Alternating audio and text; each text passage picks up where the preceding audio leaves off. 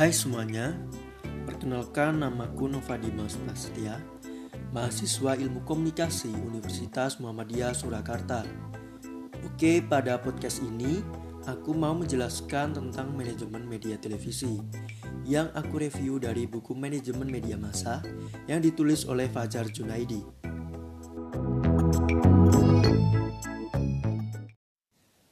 Perkembangan media penyiaran di Indonesia mengalami lonjakan pesat pasca reformasi tahun 1998. Undang-Undang Nomor 32 Tahun 2002 tentang penyiaran bisa dilihat sebagai tonggak perubahan kebijakan di langit penyiaran Indonesia. Sebenarnya sejak masa-masa akhir kekuasaan Orde Baru, pemerintah yang berkuasa saat itu mulai membuka kesempatan bagi swasta untuk bersiaran. RCTI menjadi stasiun televisi swasta pertama yang mengudara pada tahun 1989. Walaupun jangkauannya masih terbatas di Jakarta dan sekitarnya, mengudaranya RCTI memberikan perubahan besar bagi dunia penyiaran di Indonesia.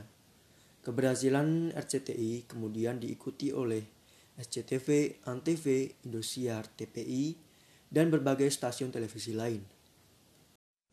Persaingan bisnis dalam dunia penyiaran pun semakin ketat, baik di radio dan di televisi. Stasiun televisi yang tidak mampu bersaing akhirnya gulung tikar dan dibeli oleh pemodal lain. Keberhasilan dan kegagalan dalam dunia bisnis penyiaran sangat tergantung pada manajemen dalam media penyiaran. Dalam produksi siaran televisi, perlu adanya manajemen yang baik antar berbagai bagian. Manajemen penyiaran televisi tidak sekedar urusan bagaimana proses teknik siaran, namun juga menyangkut pengelolaan sumber daya manusia, sumber daya keuangan, dan sumber daya peralatan di stasiun televisi. Sejarah dan perkembangan televisi. Jika ditelusuri dari sejarahnya, perkembangan teknologi televisi dapat dilacak mulai berkembang pada tahun 1923. Pada saat itu, Vladimir Kasvorkin seorang pegawai di Westinghouse mepatenkan tabung gambar televisi yang di dalamnya terdapat ikonoskop. Empat tahun kemudian, bersamaan dengan NBC mengorganisir siaran radio jaringannya, Philo Farnsworth mengembangkan sistem dan mepatenkan tabung di sektor. Di saat orang-orang lain bereksperimen dengan cara bagaimana menyiarkan gambar, dua orang peneliti independen ini memberikan sumbangsi besar dalam kelahiran seluruh transmisi televisi.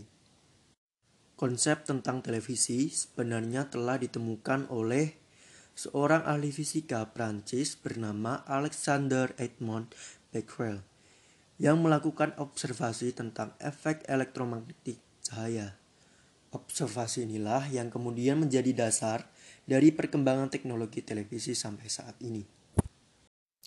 Depresi besar yang melanda Amerika Serikat pada dekade 1930-an berimplikasi pada perkembangan teknologi televisi. Perkembangan televisi mengalami kemunduran pada masa depresi ekonomi melanda Amerika Serikat. Di saat yang sama, negara-negara Eropa Barat pun juga mengalami krisis ekonomi dan politik pasca Perang Dunia I akhir dekade 1930-an, terjadi perubahan besar yang mengubah secara menyeluruh aspek politik, ekonomi, dan budaya ketika sebuah teknologi baru diperkenalkan kepada publik. Pada pameran dunia yang diadakan di New York pada tahun 1939, rakyat Amerika Serikat diperkenalkan dengan media yang pada paruh kedua abad 20 Masehi mendominasi, Radio Corporation America RCA, perusahaan pemilik National Broadcasting Company NBC, beserta radio-radio jaringannya mensponsori arena pameran televisi. Presiden Amerika Serikat kala itu, Franklin D. Roosevelt, menjadi presiden pertama yang tampil di televisi ketika NBC menyiarkan pembukaan acara melalui siaran televisi. Pada saat itu hanya beberapa pengunjung pameran yang dapat menyaksikan siaran televisi secara terbatas ini. Kondisi ini berubah drastis ketika beberapa minggu kemudian peristiwa olahraga pertama disiarkan oleh stasiun televisi New York saat pertandingan baseball antara Preston dan Columbia. Perang Dunia Kedua yang pecah pada awal dekade 1940-an menyebabkan perkembangan televisi mengalami kebuntuan. Setahun 1946, penjualan televisi mulai bergeliat. Stasiun televisi mulai melakukan programming dalam siaran mereka. Walaupun di Amerika Serikat sendiri hanya ada 10 stasiun televisi yang memiliki lisensi untuk siaran. Di Indonesia, dalam posisinya sebagai negara sedang berkembang, baru memiliki stasiun televisi pada dekade 1960-an, ketika TVRI berdiri dan mengudara pada tanggal 17 Agustus 1962. Pendirian TVRI pada awalnya digunakan untuk tujuan menyukseskan penyelenggaraan Asian Games 4 yang dilangsungkan pada tahun 1962 di Jakarta. Perubahan dalam dunia penyiaran televisi di Indonesia mulai tampak di tahun 1987 ketika RCTI diizinkan bersiaran terbatas di Jakarta dan sekitarnya. Keberhasilan RCTI dengan segera diikuti dengan pemberian izin kepada SCTV. Kelahiran kedua media televisi ini, RCTI dan SCTV, menjadi babak baru dalam dunia pertelevisian di Indonesia. Siaran televisi tidak hanya TVRI seperti pada masa sebelumnya, namun, audiens dapat memilih alternatif lain, seperti televisi swasta. Walaupun demikian, kontrol tetap Departemen Penerangan pada media televisi telah menjadikan media televisi di Indonesia pada era Orde Baru tidak bisa bersuara kritis. Alih-alih berkesempatan bersuara kritis, berita yang dianggap berbahaya bagi kestabilan dan pembangunan dilarang di masa Orde Baru. Keberadaan pesawat televisi di Indonesia secara bertahap telah mengalami penyempitan ruang.